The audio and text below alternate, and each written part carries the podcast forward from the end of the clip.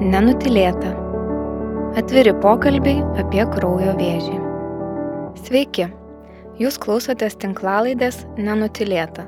Atviri pokalbiai apie kraujo vėžį. Aš esu Aistė. Šioje tinklalaidėje vėžį išgyvenę žmonės dalinasi savo patirtimi, emociniais iššūkiais ir gyvenimo pokyčiais, lygos gydimo metu ir po jo Čia išgirsite artimųjų pasakojimus apie tai, kaip vėžio diagnozė pakeitė jų gyvenimą. Pokalbius su gydytojais, psichologais ir kitais medicinos specialistais, kurie pateiks įvairių patarimų ir informacijos apie kraujo vėžį, gydimo galimybės, fizinį aktyvumą, mytybą, emocinę sveikatą. Tinklalaidės tikslas yra ne tik suteikti daugiau informacijos apie kraujo lygas ir su jomis susijusios problemas, bet ir padėti primti lygą, įkvėpti drąsos ir parodyti, kad nors gyvenimas po kraujo vėžio diagnozės gali pasikeisti, jis tikrai nesustoja, gali ir toliau džiuginti ir būti visavertis. Tai yra antrasis tinklalaidės nenutilėta epizodas Ir šiandien aš studijoje esu su psichologe Evelina Sabaitytė, su kuria mes mėginsime apkalbėti, kokia yra kelionė su lyga ir kas žmogaus laukia po gydytojo jam ištartų žodžių apgailestauju jums vėžys. Labas, Evelina. Sveiki. Evelina aš pažįstu jau keletą metų, kadangi prisideda prie asociacijos kraujas veiklų, veda individualias psichologinės konsultacijas, grupinius užsiemimus, seminarus Su Evelina susipažinau visai atsitiktinai ir nedarbiniais klausimais ir pamenu, pagalvojau, jog pas tokią psichologę eičiau pati kalbėtis apie savo gyvenimo iššūkius. Todėl netrukus pakviečiau ją prisidėti prie asociacijos kraujas veiklų ir ji labai sėkmingai tą daro iki šiol. Čia galbūt yra proga priminti, jog asociacija kraujas Organizuoja nemokamas psichologo konsultacijas visiems su onkologinė lyga, lyga susidūrusiam žmonėms. Tad jeigu jums kyla noras su kažkuo pasikalbėti, jei patirėte emocinių sunkumų, Evelina yra viena iš psichologių, kuri gali jūs išklausyti.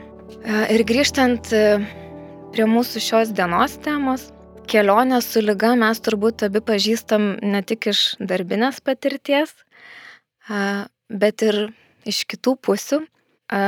Aš pati su lyga susipažinau būtent po tų žodžių, kuriuos minėjau pokalbio pradžioje. Prieš 12 metų išgirdau, jog man yra leukemija. Bet taip pat teko pabūti ir kitoje pusėje, nes onkologinė lyga sirgo mano tėtis.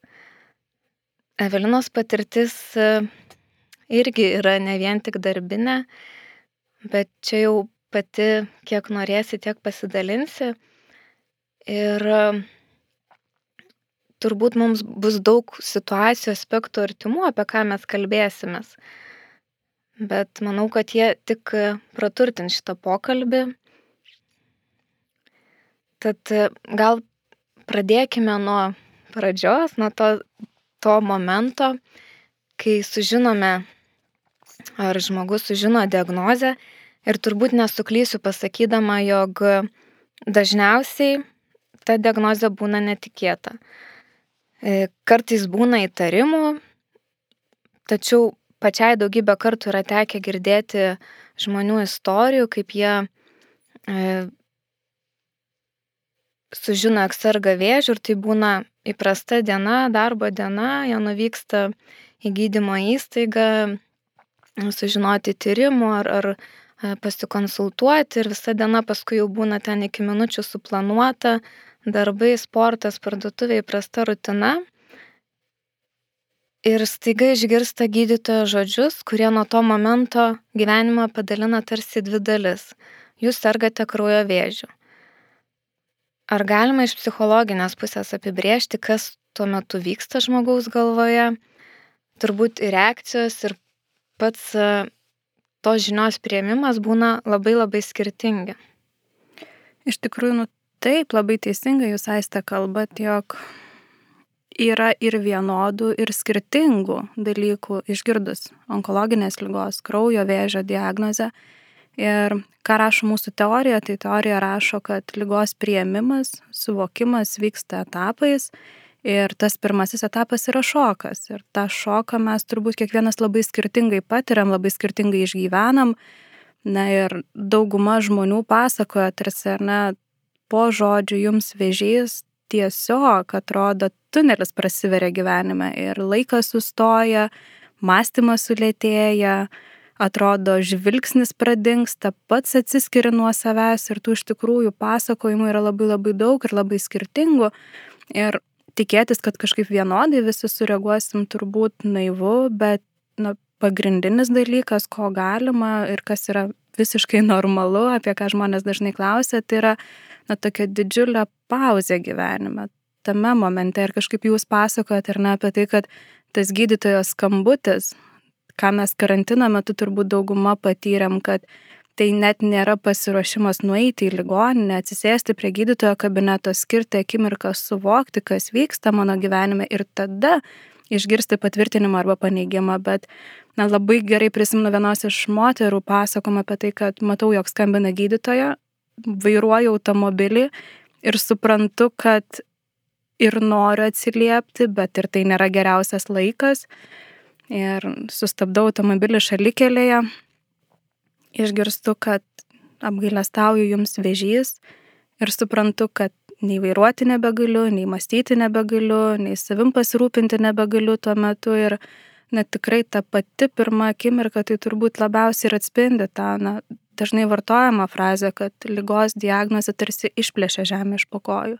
Ir nesvarbu, ar tai būtų apie atkritį, ar ne, apie atsinaujinusią lygą, ar tai būtų pirminė diagnozė, vis dėlto labai daug žmonių pasakoja, kad nors ir, tarkim, ar ne, simptomai buvo nenuginčiami, bet iki pat momento, kol gydytojai nepasako, kad jums vėžys yra labai na, mūsų smegenys tiesiog labai natūraliai ginasi nuo to žinutės. Kita moteris labai aiškiai nu, prisimena, kad, sako, aš turėjau guzus 5 cm dydžio, limfmazgius iš, iškilusius viršodas, kurie buvo nu, labai aiškiai čiuopiami.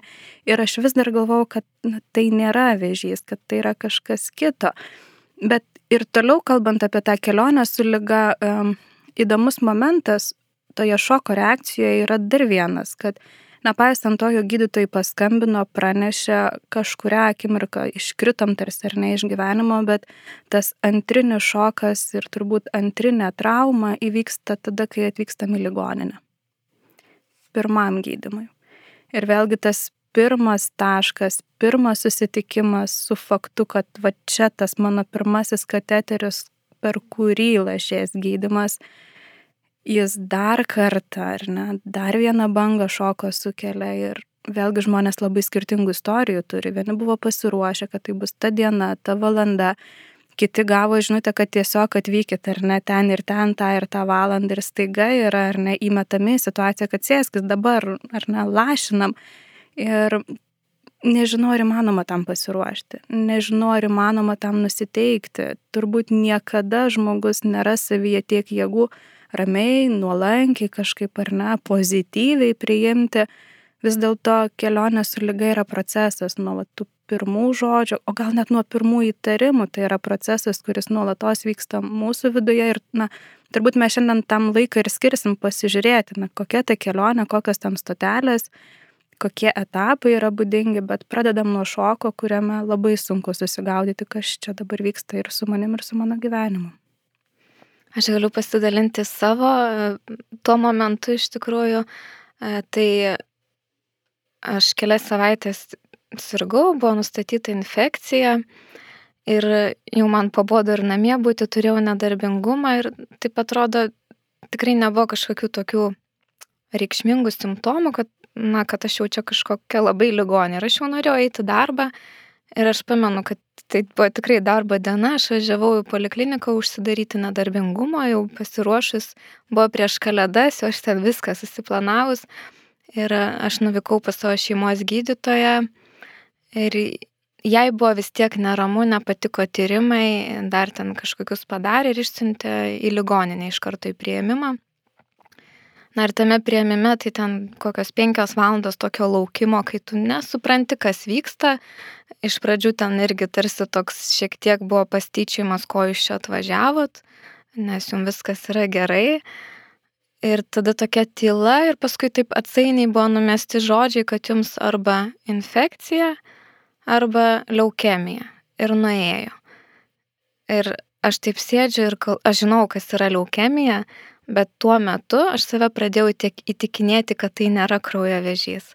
Kad net jeigu ir tai, tai kažkokia kita lyga, bet tai tikrai ne vėžys ir kad aš, žodžiu, mano žinios yra neteisingos, tai aš pati save apgaudinėjau ir visiškai net nepriemiau, kad tai gali būti. Iki paskutinio, tai, tai čia mano tokia ta patirtis ir kitas, ką šiuo pasidalimu norėjau paliesti apie tą pranešimą, ar ne? Tai tarkim, mano tok, toks pirmas susidūrimas, kad gali būti ta lyga, nes šeimos gydytoja man nesakė jokių tokių skambių frazių, tiesiog jinai norėjo, kad mane ištirtų, bet tie žodžiai buvo taip numesti ir tiesiog nueita ir, ir nieko daugiau. Ir aš žinau, kad iš tikrųjų turbūt nėra taip dažnai, kada pasakoma apgailestauju jums vėžys, ar ne? Turbūt tas pranešimo momentas irgi yra žmogui labai svarbus.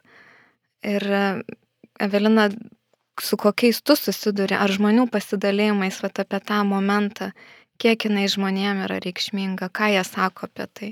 Na, iš tikrųjų, turbūt pranešimo momentas tik pačioj pradžioj būna toks labai labai reikšmingas, nes mes turim pripažinti, kad kai yra diagnozuojama onkologinė lyga, viskas pradeda vykti labai labai greitai. Gydytojai daro labai didelį spaudimą, mes greitai, jeigu reikia operuojam, greitai keliaujam chemoterapijos, greitai, greitai, greitai visur bėgam, lekiam, visur žali koridoriai, ar ne, ką mes girdim tokią skambę frazę.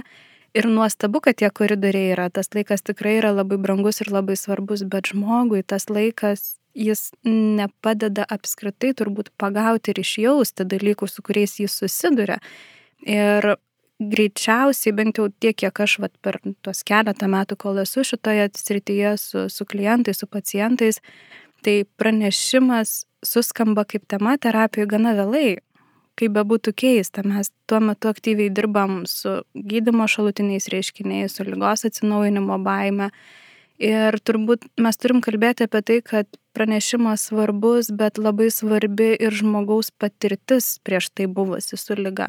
Jo įsitikinimai, jo žinios, ar buvo artimoje aplinkoje, kokių buvo atvejų. Ir tada na, vis dėlto pranešimas daug daugiau yra susijęs su mūsų vidiniu turiniu negu su gydytojo žodžiais, neatsiejamas nuo gydytojo žodžių tikrai, bet vat, ką ir jūs dar kalbate apie tai, apgailestauju jums vėžys, su kuo susiduriu konsultacijų metu, kad žmonės sako, viskas, ko nenoriu, susidūrę su lyga yra gailestis. Ir tada mes atsiduriam tokiam, nu, kaip aš juokauju, vakume, o tai kur tie teisingi žodžiai, kur tie šilti, atjaučianti žodžiai negalim turbūt sakyti, ai, laba diena jums vėžys, arba, na, nežinau, klausykit, ar ne, nu, vėžys. Bet. Tarp kitko, jums vėžys. Aha. Ai, žinot.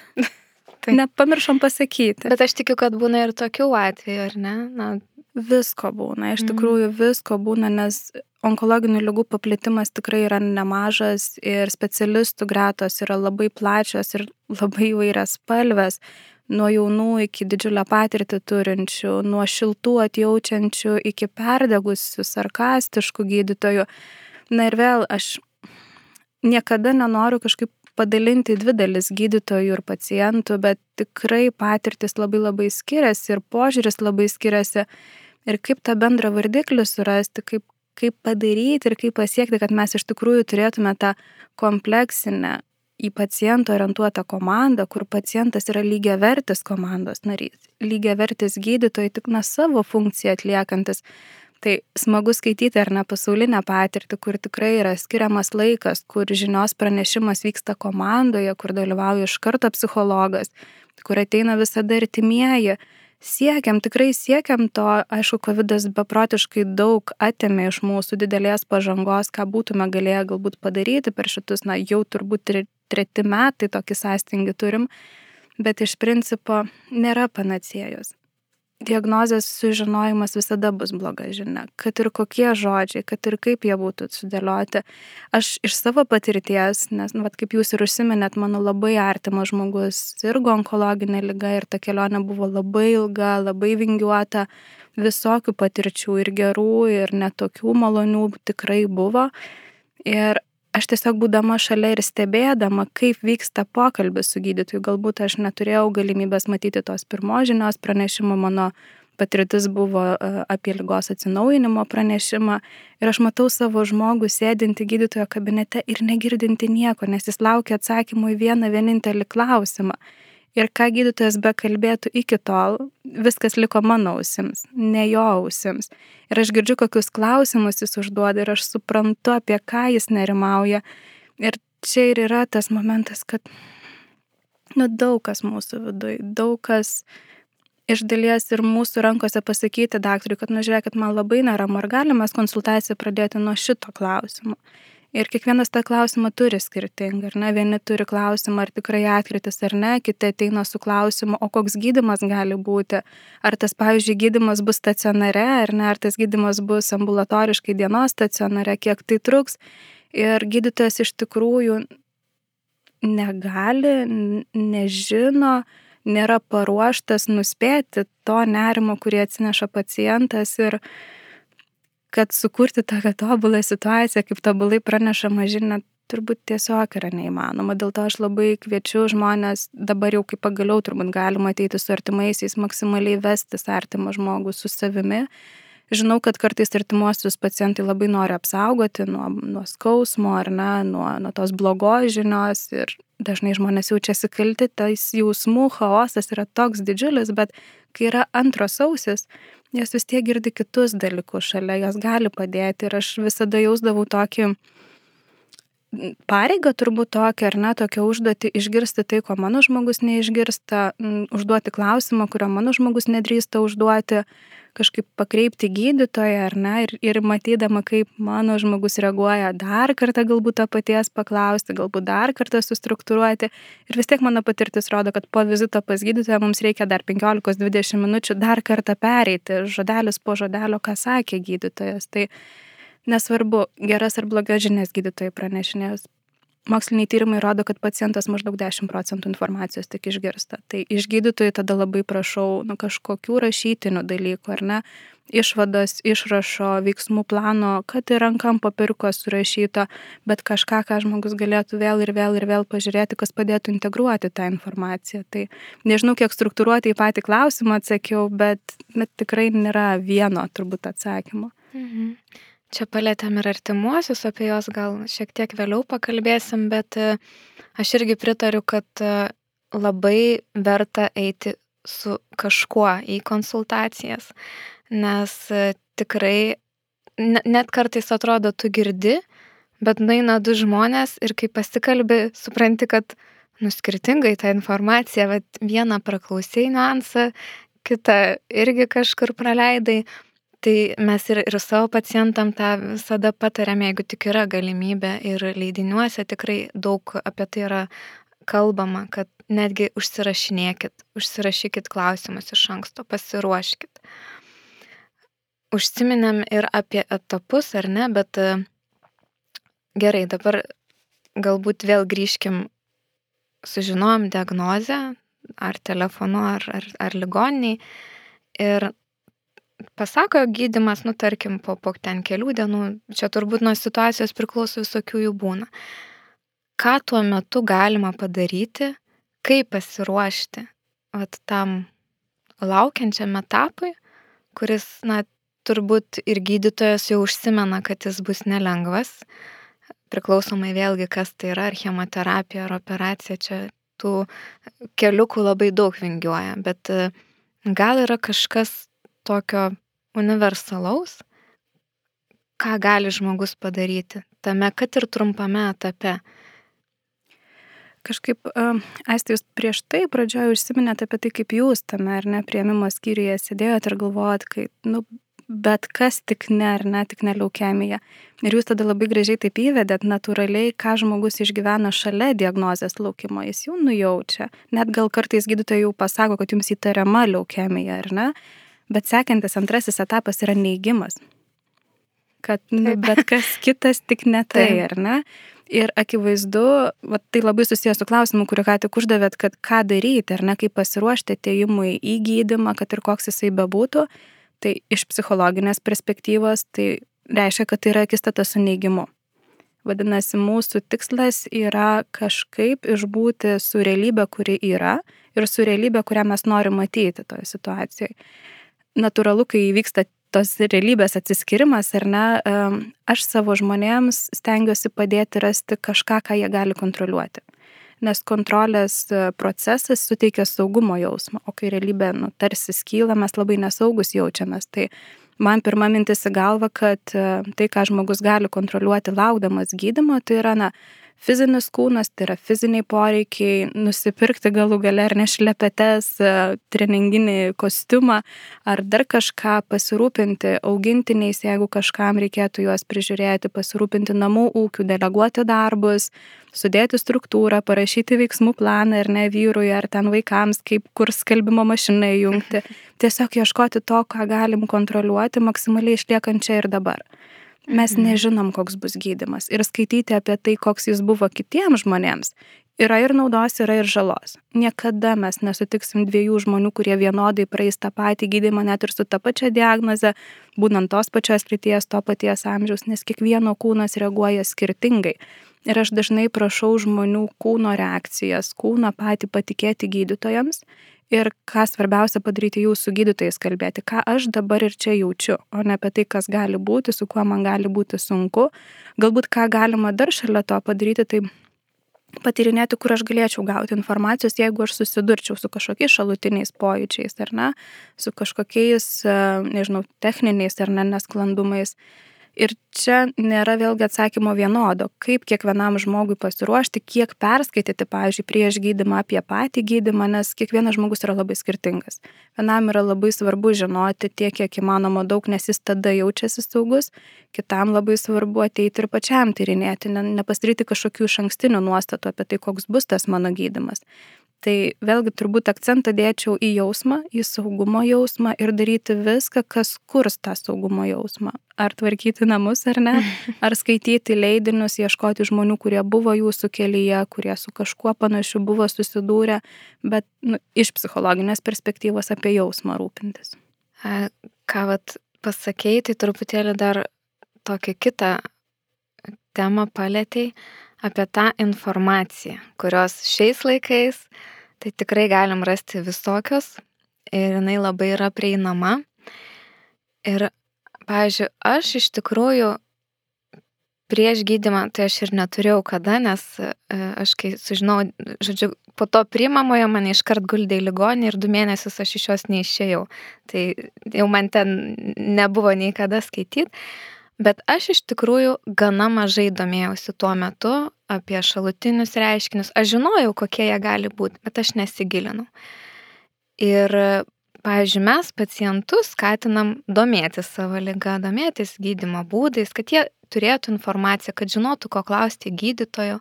Bet aš šitoj vietoj matau dvi pusės. Kad, nu, kodėl apie tai kalbu, nes tarkim, vėliau, kai jau buvau praėjus kelis gydymo etapus, aš tada pradėjau daugiau domėtis, kai jaučiausi stipriau, bet tuo metu, kai buvo tokie, nežinau, jautriausi momentai, tai tikrai, jeigu aš dar būčiau skaičius, kas manęs gali laukti, tai man atrodo, vien iš to prisigalvojimo galėjo būti daug viskas sudėtingiau.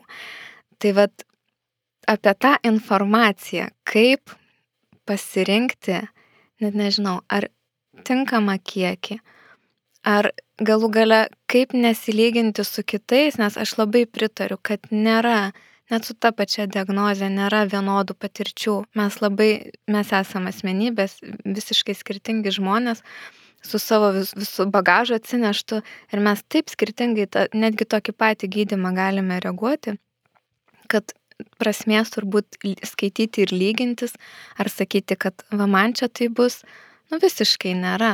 Bet Kitiem, pavyzdžiui, padeda tokios galbūt įkvepiančios istorijos, kur netie kalbama apie patį jau gydimą, kas ten buvo daroma, bet tiesiog, kad va, žmogus praėjo tokį kelią, tai gal čia, bet viskas yra tvarkoje, bet kaip atsirinkti, kaip savęs neužkrauti per daug ir nepakenkti šitoje vietoje.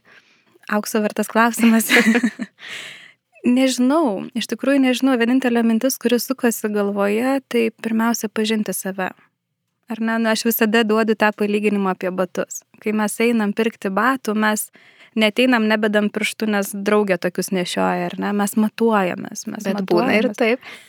Bet mes pasimatuojam prieš nusipirkdami, ar ne, o gal man spaudžia, arba na, tiesiog kažkaip gal man, man mano kojas nesižiūri. Tai čia aš suprantu, kad aš turiu tokį, nu, iš dalies ne visai gyvendinamą lūkestį, bet nu, man atrodo, kad pirmiausia žmogui reikia paklausti savęs, o kas man yra gerai, ko man dabar labiausiai reikia ir kaip aš savo tai galėčiau duoti. Ir pagal tai eiti ir keliauti. Aš turiu truputį nerimo apie, ar ne, visokius forumus, apie visokias grupės, apie informacijos ieškojimą pa žmonės, kurie tai yra išgyvenę. Aš suprantu, kad ten yra ir didelio turto, bet ten yra ir labai labai daug žmonių, kurie ateina gydytis emociškai į grupės išlieti savo jausmą, kurio neturėjo kam pasakyti, išlieti savo skausmą, na, kurio neturėjo su kuo pasidalinti. Ir kartais, na, mes tikrai matom, kad vieni, tarkim, komentatoriai grupės yra labai pozityvūs, labai palaikantis, labai besidalinantis tuo, kas jiems padėjo.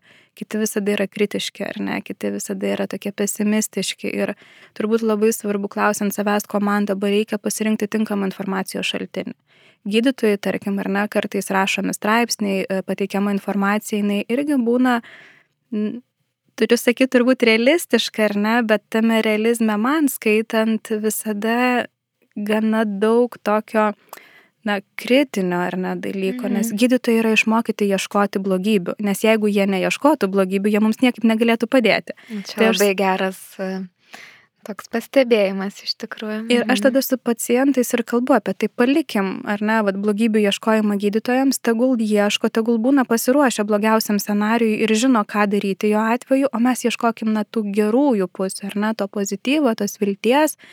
Ir va čia apie ką jaučiu, kad suku temą, tai suku temą apie pasitikėjimą.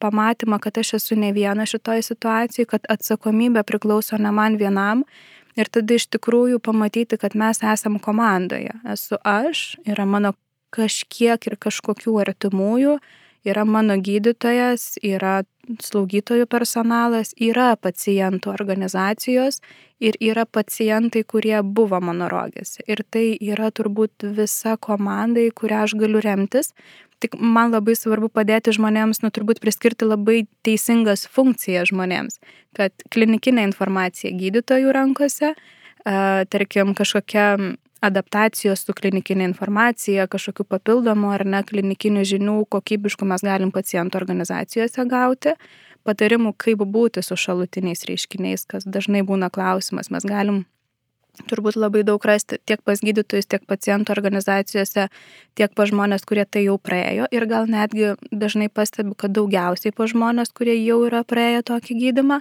Na ir tada tokia fizinė, praktinė ir emocinė pagalba artimiesiams išdalinti. Sau mes turbūt turim labai pasiskirti funkciją savistabos ir savirefleksijos. Mhm. Pasakyti pasauliui, ką aš jaučiu ir kas man dabar yra sunku, kad pasaulis, ar ne, va ta mano komanda, galėtų atliepti tai, nes kitaip mes tokį ekstrasensų mūšį pradedam žaisti, ne, kad nu jūs nuspėkit, kas pas mane dabar darosi. Mhm. Tai va atsakomybė už save ir už savęs atskleidimą mums lieka Ir tada iš, išdalinu šitas funkcijas, prijungti pasitikėjimo, kad tai yra tikrai pati geriausia komanda, kurią aš dabar galiu turėti. Ir visai taip kartu keliauti per tą patirtį. Pasitikėjimas yra labai svarbus ir ką mes akcentuojam kaip pacientų organizacija, pasitikėjimas gydytojais. Pasirinkus, jeigu jau pasirenki eiti tuo gydimo keliu, nes žmogusgi nėra priverstas, jis gali rinktis.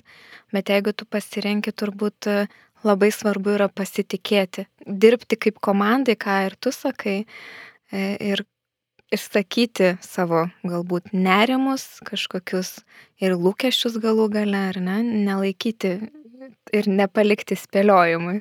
Tikrai taip, aš nu toj savo patirtį labai komunikavau, kad aš labai noriu padėti, aš turiu žinių, bet aš nežinau, kaip tau yra. Ir man labai svarbu, kad tu man pasakytum, nes iki tol aš greičiausiai būsiu įkyri ir lysiu, nes aš matysiu, kad kažkas su tavim ne taip. Tu elgiesi neįprastai ir aš bandysiu išsiaiškinti, nes numyliu aš tave labai stipriai. Ir kažkaip mums užtruko laiko rasti pasitikėjimo vienas kitu, kad galima pasakyti. Ir aš dažnai komunikuodavau, kad aš negaliu suprasti, kas tau vyksta. Aš galiu tik įsivaizduoti, jeigu tu su manim pasidalinsi, kad ir kiek aš patirčių turėjau, kad ir kiek žmonių aš išgirdau su šitom patirtim, aš nežinau, kaip tau yra. Bet kai mes kalbame apie pasitikėjimą, noriu nepamesti minties dar vienas labai svarbios. Ir manau, kad per tyliai apie tai yra kalbama, kad pirmiausia, šalia gydytojų reikia pasitikėti savo kūnu, kuris mhm. nori gyti kuris deda visas pastangas, kad gytų. Jis dėjo visas pastangas, kad kiek įmanoma ilgiau, na, pats ar net tvarkytųsi. Labai nenoriu naudoti žodžio kovotų, bet mhm. iš principo, nu, turbūt kovotų su lyga ir tikrai kūno dėka ta lyga netaip greitai ar ne, netaip staiga kažkaip progresavo ir kūnas iš tikrųjų dirba didžiulį darbą, o mes tokie reiklus pasidarom jam. Jis čia vad pavargęs, jį čia dabar pykina, o čia dar jis ir suviduriavo, koks jis čia netikęs, bet jis šitiek daug atlaiko.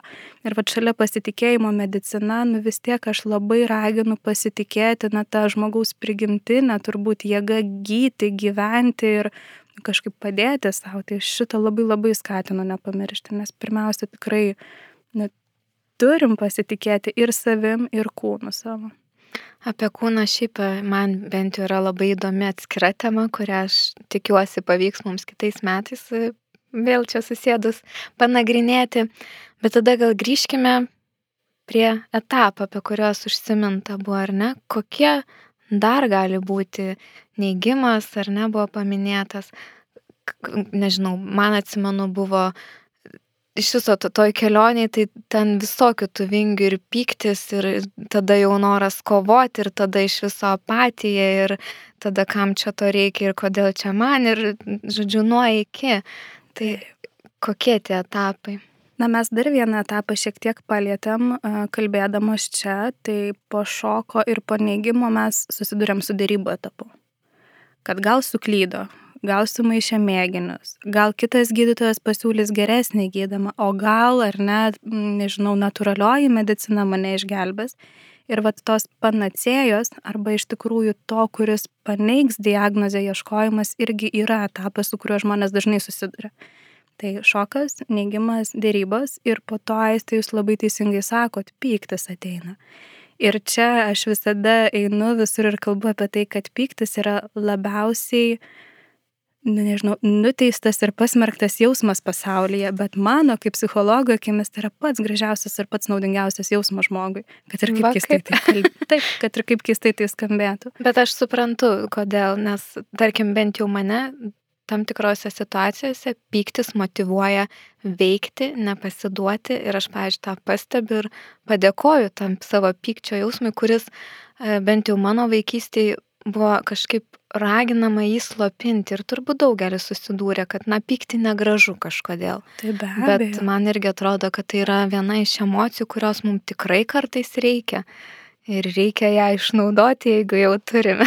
Iš tikrųjų, jūs labai teisingai ir nors save jaučiat ir išpasakojat, kad tai pykčio funkcija, kaip bazinio jausmo, yra generuoti jėgas keisti situaciją, veikti, ar ne, kaip jūs sakot.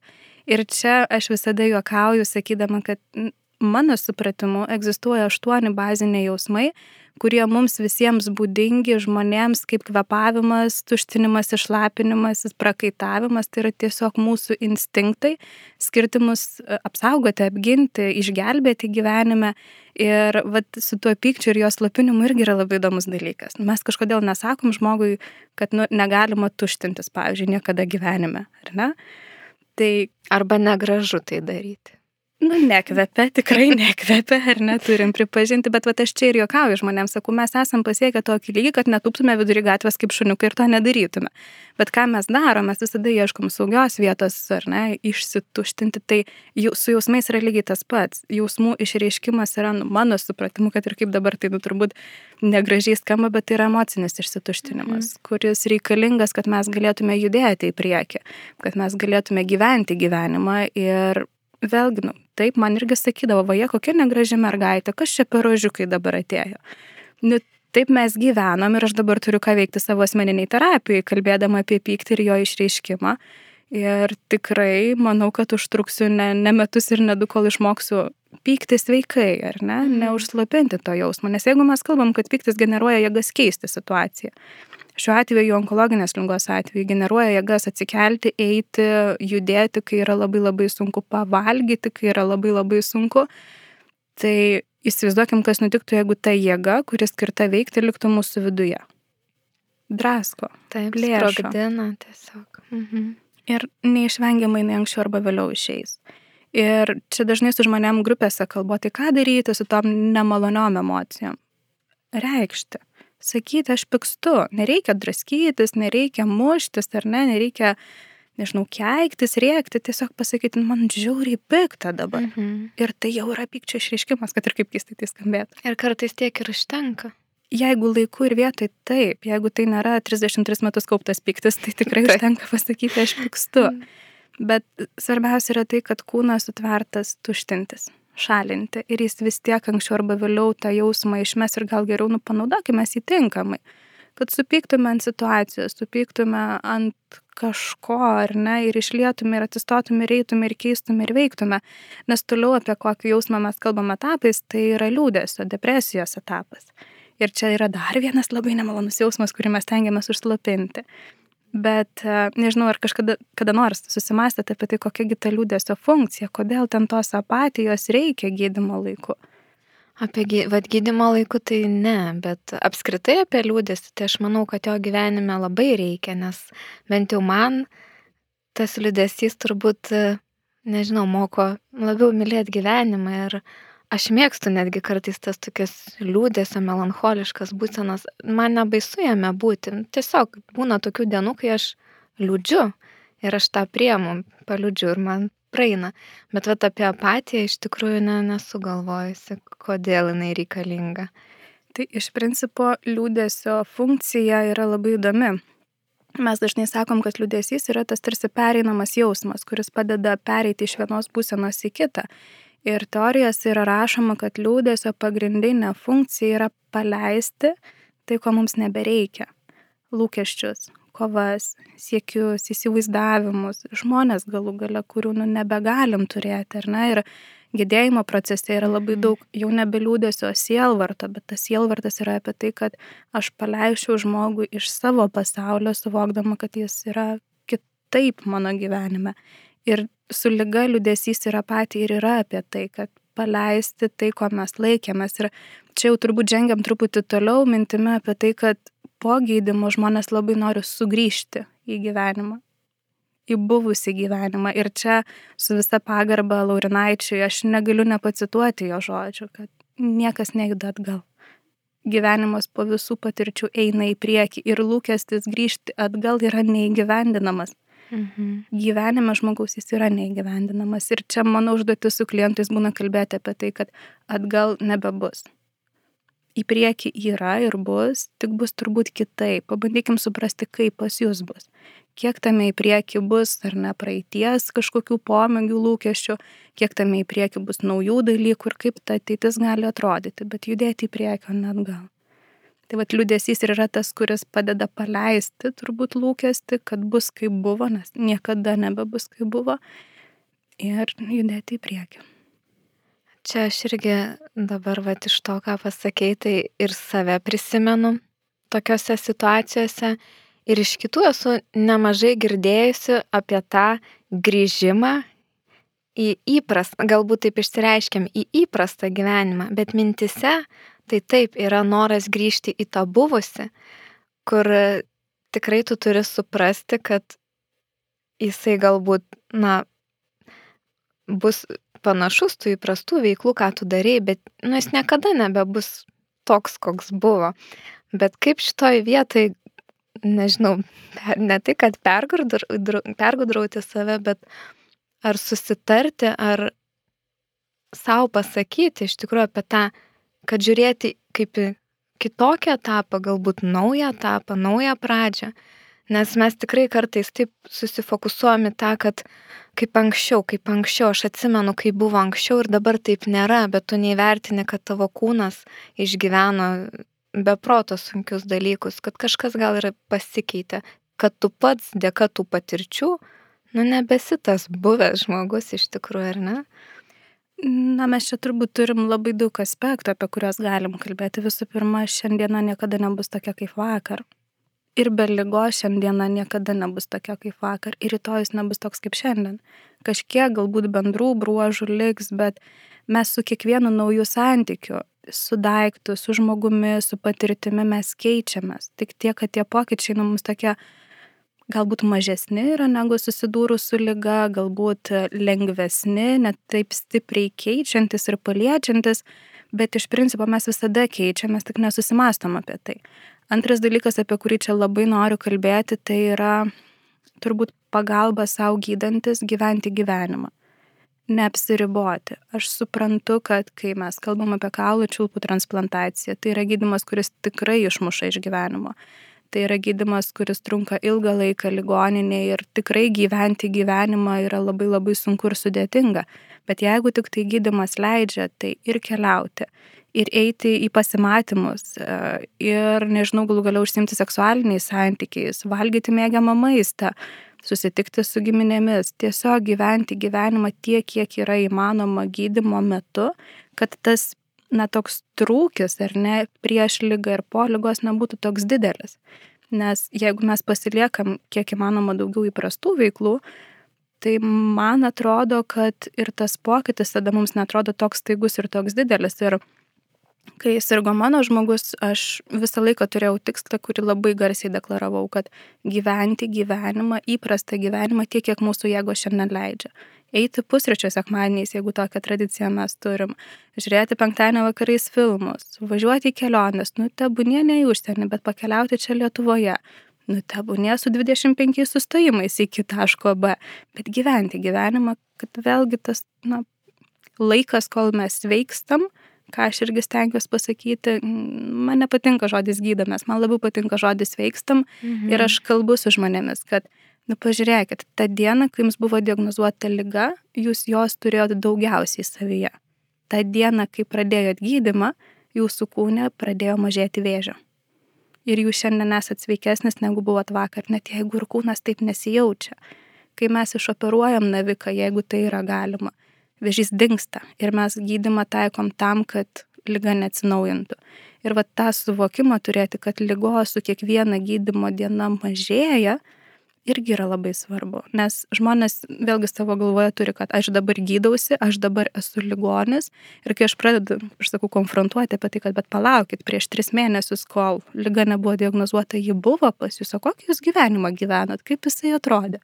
Tai ir į koncertą jau, ir į pasimatymą, ir dar kažką veikiau, bet sakau, dabar yra taip pat, nu taip, mes turim šalutinių reiškinių, bet jie nėra nesibaigiantis mes pažįstam, kad kažkurios savaitės po, tarkim, chemoterapijos yra sunkesnės, bet po to būklė gerėja ir mano tikslas ir būna išnaudoti tuos lengvesnius periodus tiek, kiek įmanoma tai padaryti ir vis priminti, kad mes veikstam dabar.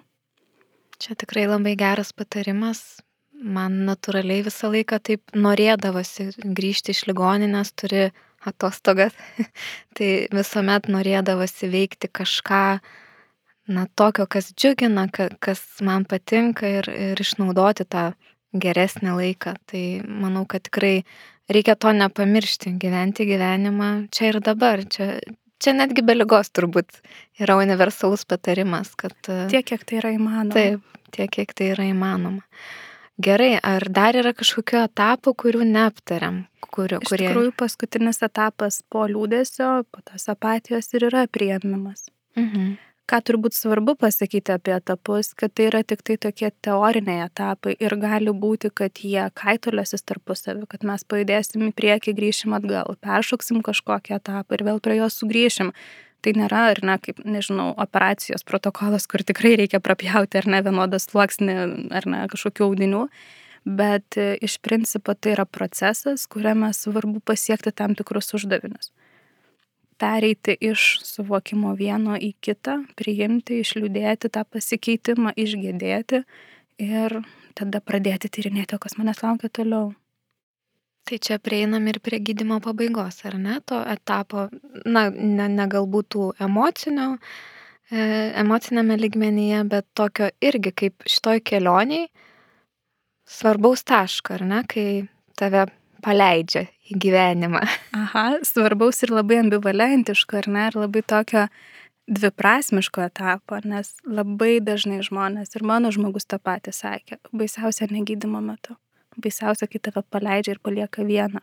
Mhm. Kai tau reikia susitvarkyti su viskuo, ką išgyvenai ir dar suvokti, o kaip toliau su tuo gyventi. Nes visi džiuguoja, visi ploja rankomis, valio, paskutinė chemoterapija, valio važiuoja namo, o aš išvažiuoju sužeistas, pasimetęs, sutrikęs, bijantis to, kas bus toliau.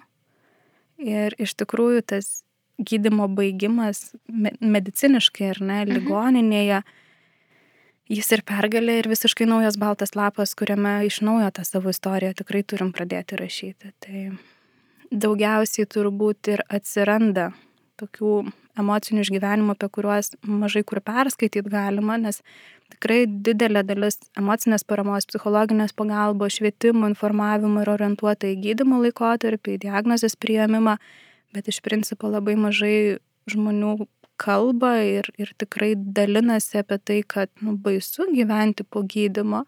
Tikrai nesidžiaugiu, kad gydimas baigėsi, nes gydimo metu buvo gydytojas, pas kurį visada galėjau patekti kuris mane reguliariai tikrino, kuris turėjo planą ir pagal kurio planą aš galėjau, nu, iš principo, šiek tiek arba daugiau arba mažiau gyventi, o čia aš esu vienas paliekamas. Ir timėjai jau atsiputė, paplovė rankas, nes viskas, tu sveikas dabar, dabar gyvenam. Ar ne? Ir tikrai nebūna lengva, plus tai yra laikas, kai užplūsta prisiminimai apie tai, o kas mhm. čia iš tikrųjų nutiko. Va ką ir norėjau pasakyti, kad fiziškai jau tu pradedi, atrodo, ir stipresnis esi, ir geriau jautiesi, ir tave artimieji paleidžia, sako, gali valgyti, pasidaryti, mhm. viskas nebetvažiuos ir tu tarsi džiaugiesi, bet būtent tai yra laikas, kai visa emocinė našta, ypač jeigu tu nedavėjai savo laiko išjausti tuo metu, jinai grįžta. Ir gali net nesuprasti, kas darosi, juk atrodo, va, tu namie, tu jau gali čia ir į darbą galbūt grįžti ir, ir daugiau sauliaisti, nes šalutinių reiškinių nebeliko, sakykime, ar ne. Bet emociškai tu visiškai nesitame etape žinot, nukrenta visos gynybos, kurios padėjo išgyventi tą laiką, ar ne, visi savisaugos instinktai nukrito, nes tada reikėjo būti stipriam, reikėjo eiti, eiti, eiti tokiam kaip kareivėliui per tą kelią. Ir staiga lieki vienas, absoliučioj akistatoj su pačiu ir gražiausiu ir baisiausiu žmogumi pasaulyje, tai su savim pačiu su savo įsitikinimais, su savo jausmais ir viskas, kaip jūs aistė ir sakot, ko mes neišleidom, ko neištuštinom, tas užliejo. Tas iš tikrųjų užlieja ir tai nelengvas laikas. Kita vertus, turbūt aš čia pradedu kalbėti iš savo patirties, nes artimieji išgyvena labai panašius etapus kaip sergantysis, tik tikrai netokius pat ir ne vienodus emociškai, bet jiems irgi, juos irgi ištinka šokas, jie irgi neigia, jie irgi deras ir ieško geresnio gydimo dar, dar ir geresnio gydytojo ieško, nes nėra ryšyje su gydytoju ir dar sukelia bejonių pacientui, bet na, taip jau jie tvarkosi su savo dėrybo etapu. Jie pyksta, jie liūdė, jie priima, jie lygiai taip pat lieka su pasikeitusiu savo pasauliu ir su savo baimėmis. Ir kai mane, ir turbūt dažniausias ir toks stipriausias jausmas, tai baimės jausmas apimdavo, iš tikrųjų aš sustodavau ir jaučiu net vizualiai atrodo, matau, kaip baimė nuo, nuo kojų pirštų galiukų kyla, užlieja ausis, smegenis ir aš tą akimirką sakau, bet palauk, tu gyveni su tuo ir gyveni gyvenimą. Ir kas tau čia dabar yra baisu, šiandien čia ir dabar? Viskas. bet aš suprantu, kad tas viskas yra nu, valdoma. Aš čia esu su rankom, su kojom, galinti išbūti, taip aš ateities nežinau taip ateitis beprotiškai baisi, bet aš nieko dėl jos negaliu padaryti. Mhm. Aš jos negaliu pakeisti. Aš galiu padaryti šiandien tiek, kiek mano jėgose, kad rytoj nesigailėčiau. Ir tai visą laiką buvo mano pozicija - daryti šiandien tiek, kad rytoj nebūtų gaila. Kad po penkių metų manęs negraužtų sąžinė, kad o va, tai gal reikėjo nupirkti ten tą ar ne, naują telefoną, kad būtų smagiau jam. Mhm. Kalbant apie baimės, turbūt negalima nepaminėti lygos atsinaujinimo baimės, apie kurią irgi ir tu užsiminiai, ir šitai temai skiriama daug dėmesio, nes jinai yra tikrai labai reikšminga ir tokia persekiojanti daugelį onkologinę patirtį turėjusių žmonių, ar ne? Tai kaip su tą baimę išbūti ir kokie yra, kada jau ta baimė tampa problema iš tikrųjų? Tai iš tikrųjų na, tema apie lygos atsinaujinimo baimę iš tikrųjų reikalauja, kaip aš sakau, atskiros knygos, atskiro vadovėlio, atskiros temos, bet na, tas pagrindinis turbūt teiginys, į kurį reikia atkreipti dėmesį, tai lygos baimė tampa problema tada, kai trukdo gyventi įprastą gyvenimą, kai trukdo miegoti, kai trukdo valgyti, kai trukdo eiti į darbą, kai trukdo siekti ar ne karjeros ar santykių galų gale, ar ne, na, iš principo gyventi gyvenimo, nes visiškai normalu, natūralu, kad lygos atsinaujinimo baime paaštrėja prieš svarbias šventes, prieš tam tikras reikšmingas datas, diagnozė, pirmi pojūčiai, rūbai, su kuriais mes buvom tą dieną, kai lyga buvo diagnozuota, jie gali kelti lygos atsinaujinimo baimę. Vizitai pas gydytojus, simptomai panašus, kitų žmonių susirgymas, reklamos gatvėje, kai yra objektivus trigeris, tikrai susijęs su lyga. Lygos atsinaujinimo baime natūraliai atsinaujins pas visus. Bet svarbu, kad jinai neužsibūtų, kad mes pripažintume, kad taip aš beprotiškai bijau recidyvo, bet aš gyvenu dabar ir mano ar ne kontrolė, to yra kai kam maistas, kai kam sportas, kai kam psichoterapija, kai kam vizitai pas gydytojus, kai kam ar netyrimai kažkokie ir parodyti savo, kad mano lygos atsinaujinimo kontrolės planas yra štai toks ir aš darau tiek, kiek mano jėgos leidžia. O bus taip, kaip turi būti. Bus taip, kaip mano kūnas galės geriausiai. Jeigu jis galės būti sveikas, lyga neatsinaujins. Ir jeigu jis pradės sirgti lygos atsinaujinimas ir lygos pagavimas ir faktas, kad jinai atsinaujino, vėl man duos galimybę kontroliuoti, vėl gydytis, vėl sveikti ir na, vėl bandyti siekti sveikatos. Mhm. Čia kaip su ta ateitimi, kurios mes negalim nuspėti, bet jeigu jau kažkas atsitinka, mes tada ir ruošiame tą strategiją, ar ne? Bet iš anksto pasiruošti, nežinant kažkokių dedamųjų dalių, yra be galo sunku. Tai Čia žinot, kaip tam anegdote, kad susapnavo žmogus, kad šiandien mirs. Prabudo ryte ir nusprendė, kad niekur aš šiandien neįsiu. Bet žinot, kaip anegdotas baigėsi. Ne. Guliant lovą jam, jam ant galvos nukrito paveikslas. Supratau. Tai ką mes bedarytume, ar ne, na, iš tikrųjų yra dalykų, kurie mums yra nepavaldus. Mes galim stengtis uh, prevenciškai, ar ne, daryti dalykus, kurie atitolintų. Mes galim rūpinti savo sveikatą, mes galim pasitikėti specialistais, bet nu, ateities dar nei vienam neduota sukontroliuoti ir nuspėti. Mūsų tikslas tiesiog laikytis tų rekomendacijų, kurių mes galim laikytis. Mhm. Dar šitoj temai šiek tiek norisi išskirti a, kraujo lygas, jos yra ūminės, kurios, kurioms dažniausiai būna reikalingas gydimas čia ir dabar. Ir po to gydimo daugeliu atveju yra pasiekiama ilgalaikė remisija, bet yra onkohematologinės lygos lėtinės, kur lyga progresuoja lietai, kartais sužino žmogus diagnozę ir jam nėra skiriama jokio gydymo ir tada irgi labai išsigasta, nes e, sako, man čia vėžys, bet manęs negydo. Tiesiog e, reikia išaiškinti labai gerai tą skirtumą ir, ir kodėl nėra gydoma. Bet aš labiau noriu kalbėti apie tai, kaip gyventi su ta žinia, kad, na, va, tu su tuo vėžiu, su ta lyga, tu turėsi draugauti labai ilgą laiką. Žinoma, šio laikinė medicina tikrai leidžia tokias lygas kontroliuoti, bet e, emociškai tas žinojimas vis tiek veikia, ar ne? Be abejo veikia ir čia jau sėdžiu, šypsaus ir laukiu, kol užbaigsit klausimą, nes pirmas taškas tai yra mūsų įsitikinimai apie vėžį viskas, ką aš dažnai darau ir beveik su visom savo grupėm, su visais savo seminarijais, aš paprašau žmonių išsitraukti popieriaus lapelį, pasimti tušinuką ir pasiruošti užrašyti pirmąjį galvą šovusi žodį. Ir aš, na, ištariu asociaciją, vėžys man. Ir tai, kas atsiduria ant lapelio, ir yra tai, su kuo žmogui reikia dirbti, susidurti. Nes tai bus mūsų požiūris į savo lygą. Kuo pozityvesnis jisai, tuo mums bus lengviau kuo negatyvesnis jisai, tuo mums bus sunkiau. Ir tada aš traukiu statistiką. Ar žinot, kad pasaulyje daugiausiai žmonių miršta ne nuo vėžio? kad daugiausiai žmonių miršta nuo širdies ir kraujagyslių lygų. Ir kai mūsų kaimynai diagnozuoja hipertenziją ir jis vaikšto su spaudimo aparatu ir tabletėmis kišenėje, niekas jo nelaidoja. Ir jis gyvena pilnavertį gyvenimą. Labai geras pastebėjimas. Taip, Bet kai diagnozuoja vėžį ir kai mums mhm. reikia atvažiuoti kas 3 mėnesius, kas 6 mėnesius pasidaryti kraujo tyrimą, net nereikia nešiotis kasdieną spaudimo aparato. Mes kažkaip pradedam save žymiai labiau laidoti ar ne ir nurašyti negu tas kaimynas su hipertenzija. Žmonės, kurie susirga cukriniu diabetu.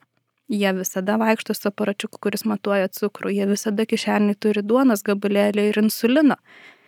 Jų mirtingumas irgi yra labai didelis. Ir čia tiesiog turbūt yra na, labai ilgai buvęs įsitikinimas, kad nuvežys tai lygų mirtis. Taip. Šiandien dienai taip nebėra. Gyventi su onkologinėmis lygomis galima puikiai, kokybiškai ir pilnavertiškai. Yra lygų, kurių tikrai mes neišgydysim, bet mes jas sustabdysim ir kontroliuosim. Taip, kasdieną po tabletę galbūt ir ne, Taip, galbūt kas kažkiek mėnesių kažkoks gydimas, švitinimas, chemoterapija ar kažkas, bet tai yra pilnavertis gyvenimas tarpuose tarp gydimų. Ir na, tikrai labai svarbu pamatyti, kokį aš turiu įsivaizdavimą apie lygą. Nes aš labai gerai prisimenu, kaip mano žmogus mums susitikus, sako, aš tau turiu kai ką pasakyti ir tu turi teisę pasirinkti nekurti šito santykio. Ir aš sakau, tu juokauji, ar tu manai, kad tai, kad tu sirgai, kažkada reiškia, kad aš negaliu tavęs mylėti, kad aš negaliu gyventi gyvenimą su tavimi? Aš sakau, jeigu mes nebūsim kartu, tai ne dėl to, kad tu sirgai, o dėl to, kad mums tiesiog neišeina būti kartu. Man atrodo, kad mes nei vienas nežinom, kada ir kokia lyga mus pačiups.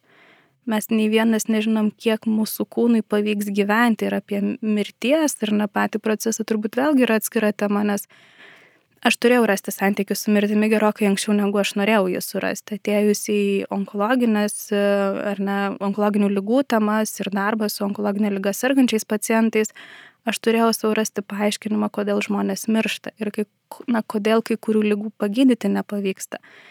Ir manau, kad čia kiekvienas žmogus irgi turi steptelti ir savęs paklausti, nu, kodėl žmogui ištinka mirtis nuo to atsakymo irgi labai dėliojasi kitaip suvokimas, kaip gyventi su lyga ir kada ta mirtis mane ištiks, nes mes turim pripažinti, kad bet kokios lygos diagnozės metu mes turim akistatą su mirtimi ir turim išsiaiškinti santykius su ja. Ir kai mes turėsim savo kažkokį palankų atsakymą, tada turbūt ir tas gyvenimas su lyga šiek tiek yra kitoks. Aišku, vėl reikia grįžti prie to, ką mes turbūt vidury mūsų susitikimo kalbėjom prie pasitikėjimo jausmo, kad mano kūnas sutvertas gyti mano kūnas sutvertas gyventi. Gydytojai yra pasiekę aukštumas ir kai kurių kraujo lygų išgyvenamumo procentai yra taip sušokę aukštyn, kad tai yra neįtikėtina. Ir tai yra dešimtmečio ar, ar dvidešimtmečio klausimai, kur ten keliolika procentų anksčiau išgyvenę žmonės turi 70-80 procentų išgyvenamumo šansą, kas yra tik keletos metų. Ir čia turbūt vėlgi reikia nu, padėką siūsti Jėvai, asociacijos prezidentei už žodžius, kurie ir man buvo labai svarbus tam tikrų laikotarpių, kad šiai dienai gyvenant su onkologinėmis lygomis mūsų pagrindinis tikslas yra laimėti laiko, nes kiekvieną dieną atsiranda naujas gydimas. Kiekvieną dieną medicina vis labiau ir labiau gali padėti. Tai susidėjus tokius save saugančius įsitikinimus mes tikrai galim kokybiškai gyventi. Tik vėlgi, na, reikia grįžti į save ir suprasti, kas tie tarakonai mūsų viduje, su kuo mums tą tikrąją kovą reikia kovoti. Tai įsitikinimai apie lygą, įsitikinimai apie mirtį ir įsitikinimai apie, na, gydimą ar ne medicinos galimybės padėti. Ir kitas dalykas, na, nėra nei vienos grupės, kurią aš vešiu, kurioje mes nekalbėtume apie mirtį, nes ta tema tiesiog ateina, jinai yra neatsiejama nuo bet kurios lygos diagnozės Ir čia labai dažnai girdžiu žmonių, kad nemirties jie bijo, jie bijo kančios. Taip, aš šitą aš irgi galiu labai patvirtinti, kad niekada gydimo metu nebijojau mirti, bet bijojau, kad dar ilgai teks kentėti tai, kas vyksta, kas vyko tuo metu. Tai aš, aš tą irgi labai gerai suprantu, kad, kad iš tikrųjų turbūt baisiau yra tas gydimas, kurį tu galbūt vieną kartą jau patyrei Ir kai pagalvoju, kad vėl gali būti kažkas panašaus, bet čia dar įsiterpsiu, kad turbūt irgi svarbu nepamiršti apie tą medicinos tobulėjimą, kad jeigu jūs gydėtės kažkada, kad ir prieš penkis metus, tai nereiškia, kad teks praeiti tą patį. Galbūt jau yra tabletinis gydymas. Čia vėlgi yra tokių niuansų, kur nežinom, kol, kol nesusidurėm. Ir vėlgi grįžtu prie Jėvos frazės - laimėti laiko, nes kiekvieną dieną gydimas keičiasi ir dabar jau po truputėlį pasirodo straipsnė apie vakcinas, kaip gydimo būdą ir iš tikrųjų nu, medicina šimtamyliai žingsniais į priekį eina. Ir ne tik gydimo klausimų, ir šalutinių reiškinių valdymo klausimų, ir skausmo valdymo klausimų, ir kančios valdymo klausimų. Ir mano patirtis rodo, kad tikrai medicina gali padėti nekentėti, tik reikia labai labai kalbėti su gydytojais, nebijoti pasakyti, ką jaučiat, su kuo tenka susidurti ir skausmo medicinos centrai nuostabų darbą dirba tiek, kiek man teko susidurti, nu tobulai, tobulai suvaldo kančią. Tai pasitikėti ir žinoti, kur galima pagalbos kreiptis. Nors mūsų laikas taip greit eina, bet šitoje vietoje, bet ką aš girdžiu, Ir kokia man mintis kyla, vėlgi toks šiek tiek visuomenės bruožas, kad kažkaip atrodo kentėti yra tauriau negu išgerti tą tabletę. Ir dažnai žmonės kažkaip bijo dar papildomų vaistų va, dėl šalutinių reiškinių, nors jiem ir siūlo, ir, ir kiti patarė, bet jie baiminasi, nes atrodo, jau tu čia gauni ir šiaip ten kokią chemoterapiją, nu negi dar čia nuo pykinimo tų vaistų prašysi. Bet e, aš tai irgi visada patariau, jeigu tik tau paskiria ir, ir galima, nu, tai tikrai priimti tuos vaistus, nes e, kam kentėti, kam dar labiau. Iš tikrųjų taip, čia gal lietuvių bruožas, perkančias į žvaigždės, bet e, tikrai taip ir tą nežinau, pasipriešinimą kažkokią ar ne, papildomą medicamentiniam gydimui įveikti yra labai sunku ir aš tikrai kol kas neturiu tokio vienareikšmio atsakymo, apie ką tai būna. Ar tai vis dėlto yra prarasta viltis, bejėgystės jausmas, ar ne, kuris apima. Ir čia automatiškai man taip šauna galva mintis, kad tikrai labai svarbu, kad būtų palaikantis artimieji, kurie padėtų kažkaip priimti tą šalutinių, ar ne, visų reiškinių slopinimo galbūt ar ne metodą kažkokį labiau padėtų įtikinti, palaikyti, padrasinti, pabandyti, nes aš irgi savo patirtyje turėjau iššūkį. Ir tikrai nebuvo lengva kažkaip paskatinti žmogų pabandyti kažkokį medikamentą, kuris ar net papildą, ar ne, kuris galėtų pagelbėti su šalutiniais. Ir kai mums pavyko atrasti, kaip aš sakau, algoritmą šalutinių valdymui, kurią dieną ką pabandyti išgerti, ką prislopinti, kada, kad tas laikas šalutinių reiškinių, tarkim, po chemoterapijos būtų trumpesnis. Bet kokį mes gerą gyvenimą turėjom, kai pasidėjom šitą savo planą, kai jau mes galėjom iš anksto padaryti dalykus ir, pavyzdžiui, ir, na, nu, burnos išopėjimas chemoterapijos metu galima dieną prieš chemoterapijos lašinimą pradėti paprasčiausius ar ne purškaliukus naudoti, kurie apsaugos burnos gleivinę. Ir tas išopėjimas bus, bet jis nebus toks skausmingas ir toks ilgalaikis. Vidurių užkėtėjimas arba viduriavimas tiesiog iš anksto pradėti gerti. Gerasias bakterijas, ne kažką daugiau, ar ne, jeigu galima, ir jeigu tai nėra taip žemai kritęs imunitetas. Net yra klinikinių tyrimų, kurie rašo apie visų šitų papildų naudą. Tai tikrai labai svarbu turbūt turėti palaikančią aplinką, kuri padrasintų ir suvokti turbūt vieną labai svarbų dalyką. Aš prieš penkerius metus, kai studijavau onkopsichologiją, mums chemoterapeutai labai kartojo, kad šio laikinės chemoterapijos pirmas tikslas, pirmo ciklo metu yra maksimaliai gerai suvaldyti šalutinius reiškinius, nes tai tiesioginė įtaka daro žmogus psichologiniai savijautai ir reakcijoms į sekančius chemoterapijos kursus kuo geriau suvaldyti šalutiniai, tuo žmogus labiau pasitikintis, pozityvus, na, emociškai stiprus ateina į sekančius gydimus, tuo ir gydimas lengviau praeina. Ir lygiai taip pat e, aš nebejoju, kad tai, kaip gerai pavyksta suvaldyti šalutinius ir kančią, tiesiog įveikia lygos atsinaujinimo baimę. Nes kaip jūs ir sakėte, aš bijau ne mirties, ne lygos pačios atsinaujinimo kančios, kuri mane gali ar ne vėl užklupti per patį gydimą svarbu labai padėti tau, kad tas pamatas į ateitį būtų stipresnis. Na ir tokiai pabaigai pokalbio, ne visai, bet dar, dar ta tokia nedidelė tema apie artimuosius. Mes nemažai kalbėjom, bet e, iš tikrųjų artimųjų vaidmuo yra tikrai labai reikšmingas ir tie pakeleiviai iš toj kelionėje yra labai reikalingi, ar ne? Ir aš kai savo patirtį atsimenu, tai mano šeima buvo tokia komanda iš tikrųjų. E, pagalba tai buvo per praktinius dalykus, bet e, to ir reikia, nes e, galbūt netiek tu ten nori jau paskui išnekėtis ar, ar, ar būti na, tuo tikruoju buvimu, nes kai tu ten gali lovai po, po to gydimo, tai ne, ne apie tai mintis. Bet mes turėjom tokią veikiančią sistemą, kur visi pasiskirstydavo, kas kada atvažiuoja, kas kada atveža valgyt. E, ir ten tėtis, atsimenu, užsisakydavo savaitgalius, nes darbo metu negalėdavo, ten mama su sesė ir, ir tuomet tarp draugų, manau, irgi pasiskirstydavo laiką, kas kada, kad aš praktiškai viena nebuvau. Ir tai man labai daug reiškia. Tu prasme, tikrai padėjo išbūti tame jaučiausi stipresnė net tuo metu, kai atrodė, kad ten ta lova yra pats baisiausias dalykas, o tu tik joje ir visas tas pasaulis telpa.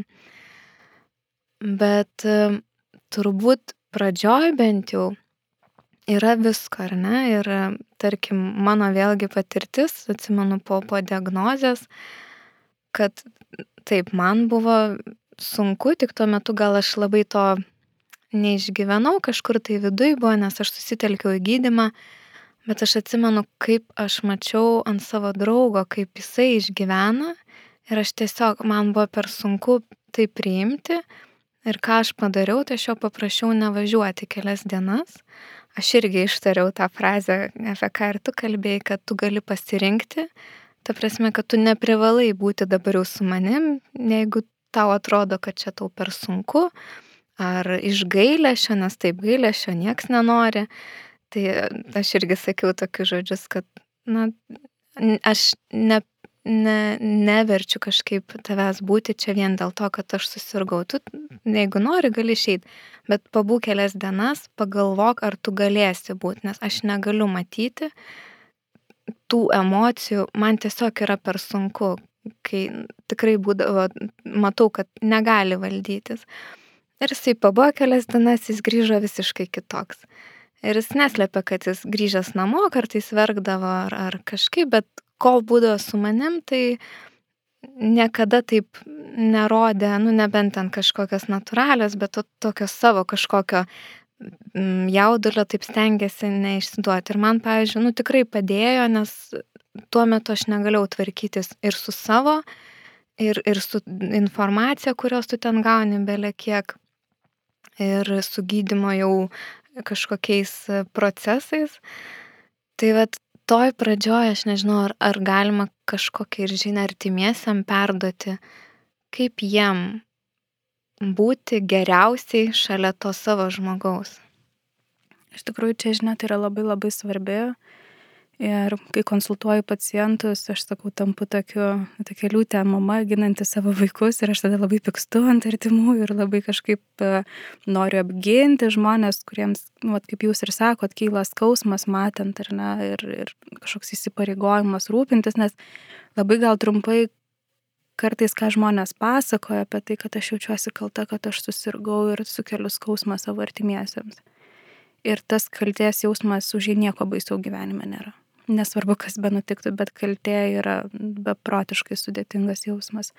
Ir čia aš visada prašau artimųjų, kad nusuvokim, kad šita situacija yra apie mus, bet šitoje situacijoje yra dvi rankos. Vienoje rankoje yra sergantysis, kitoje esame mes artimieji. Mes visi išgyvenam skausmą, mums visiems baisu, mums visiems šokas, neigimas, dėrybos, piktis, liudesys ir visi kiti išgyvenimai.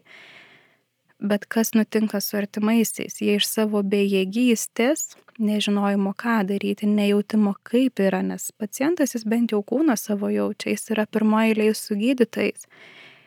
Atrodytų iliuziškai, kad jo rankose truputėlį daugiau kontrolė šitoje situacijoje. Tai artimieji iš bejėgystės savo jausmus bando suprojektuoti arba perspręsti per žmogų kai jiems labai baisu, jie hiper rūpinasi, kai jiems labai pikta, tai jie labai skatina tą ar ne tokią abejonę arba agresiją ar ne paciento viduje.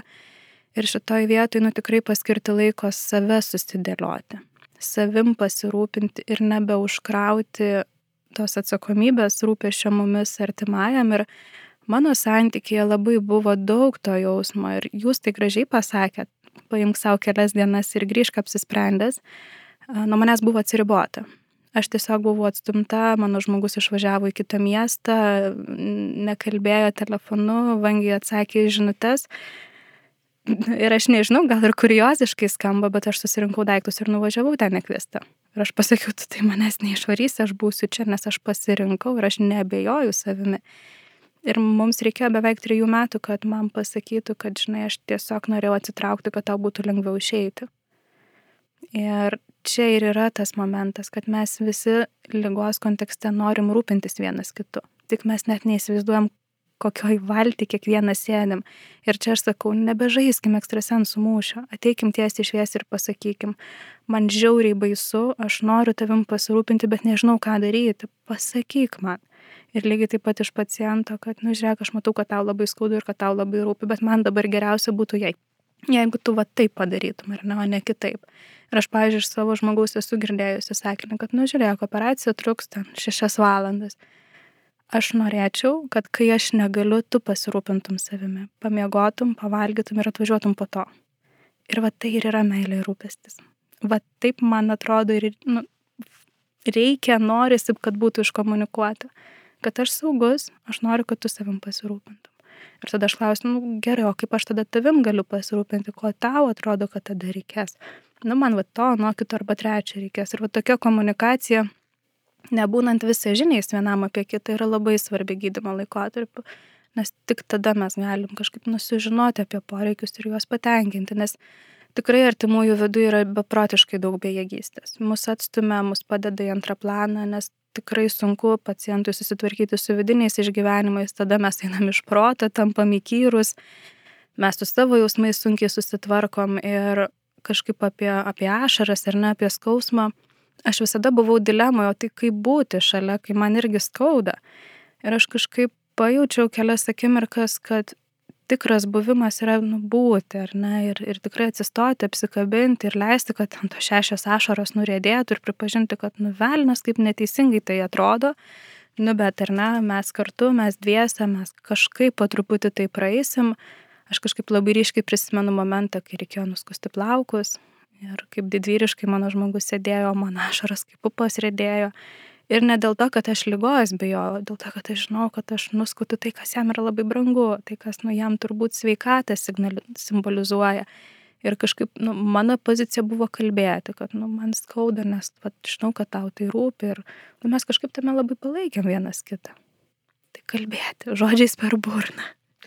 Iš tikrųjų, galvoju, kad tikrai labai yra svarbu kalbėtis, nes mes nežinom, kas dedasi toje kito galvoje ir galim išreikšti savo poreikius ir galbūt vat, pasakymas, kad šiandien noriu sribos savo artimam žmogui ir, ir jis tada jausis gerai, nes jis gali padėti. Tokį paprastą dalyką padaryti, praktinį visiškai, bet tiesiog suteiks tokią kaip ir kontrolę šiek tiek, ar ne, nes va aš darau savo mylimam žmogui sriubą ir nuvešiu ją ir pabūsiu, va, tai toks dėmesio parodimas, tai tas yra labai svarbu.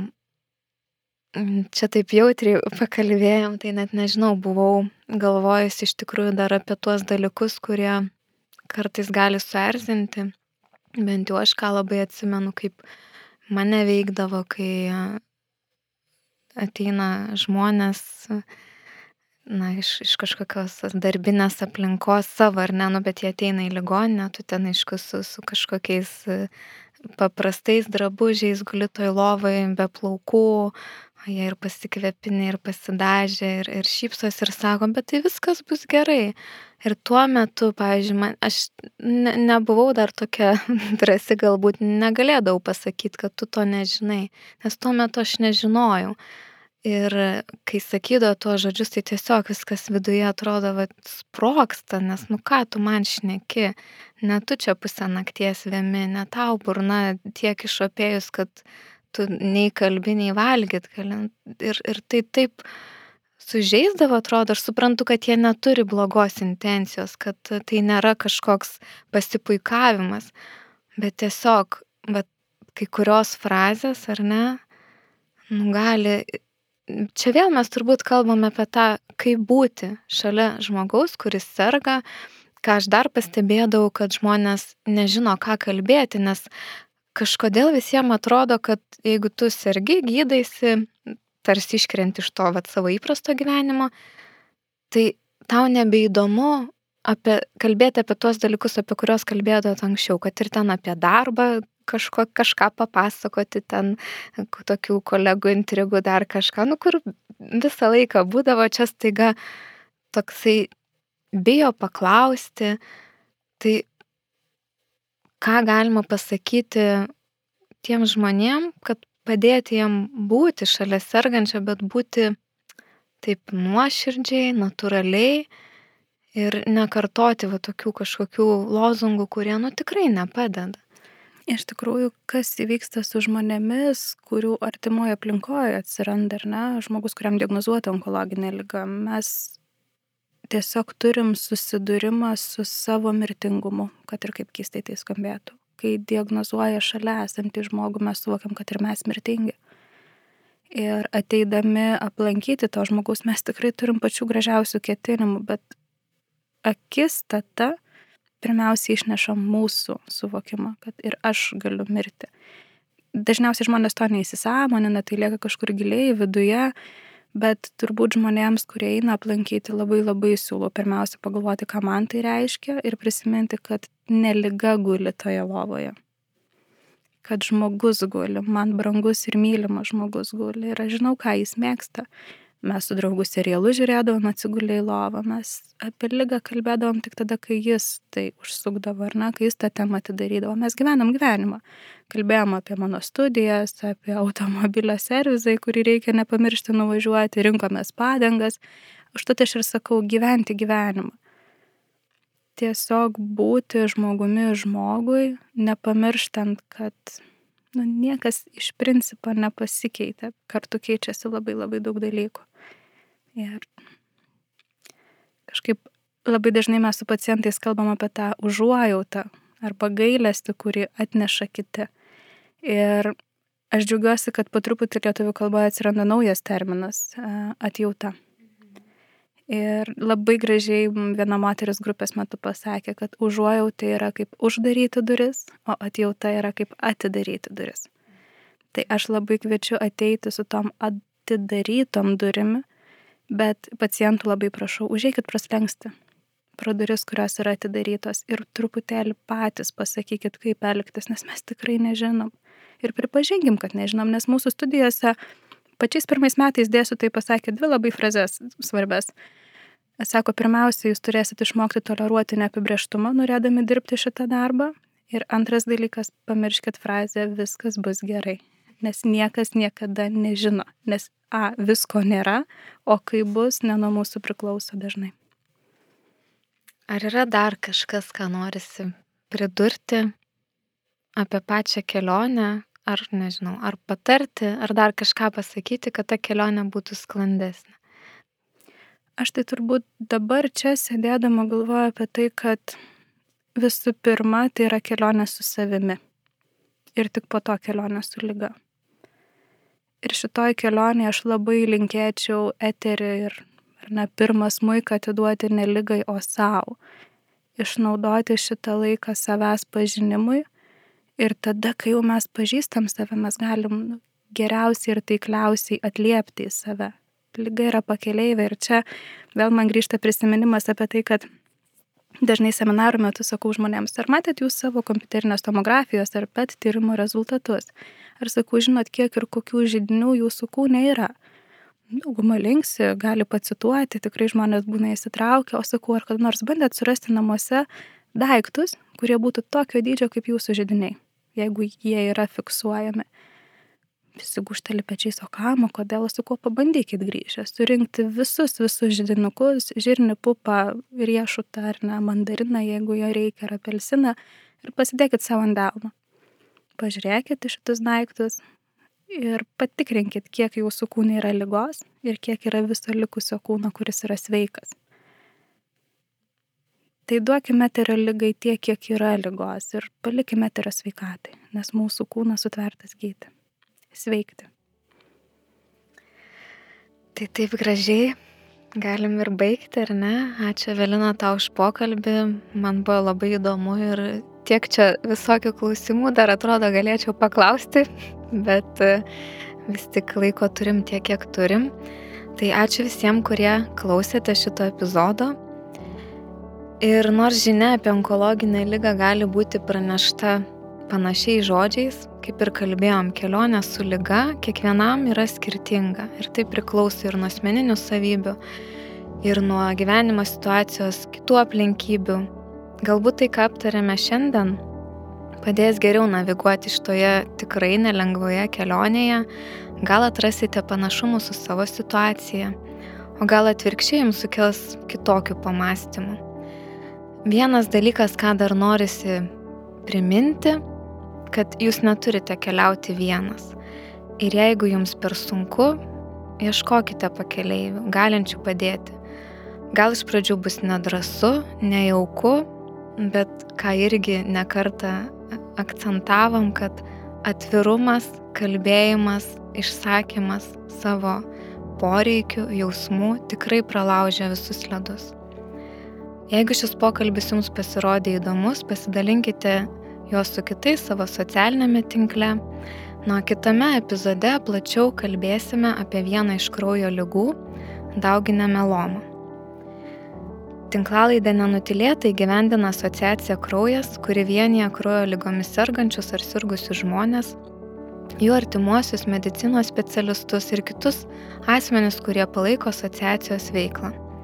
Šioje tinklalaidėje su įvairiais pašnekovais nuo gydytojų, psichologų iki kraujo vėžio sergančių žmonių bei jų artimųjų kalbamės, kaip ir suflerojo pavadinimas, atvirai apie šią onkologinę lygą ir su ją susijusius aspektus. Daugiau informacijos tiek apie asociacijos kraujas veiklą, tiek apie tinklalaidę ir visus jos epizodus galite visuomet rasti interneto puslapyje kraujas.lt arba mūsų Facebook paskyroje. Iki kito karto.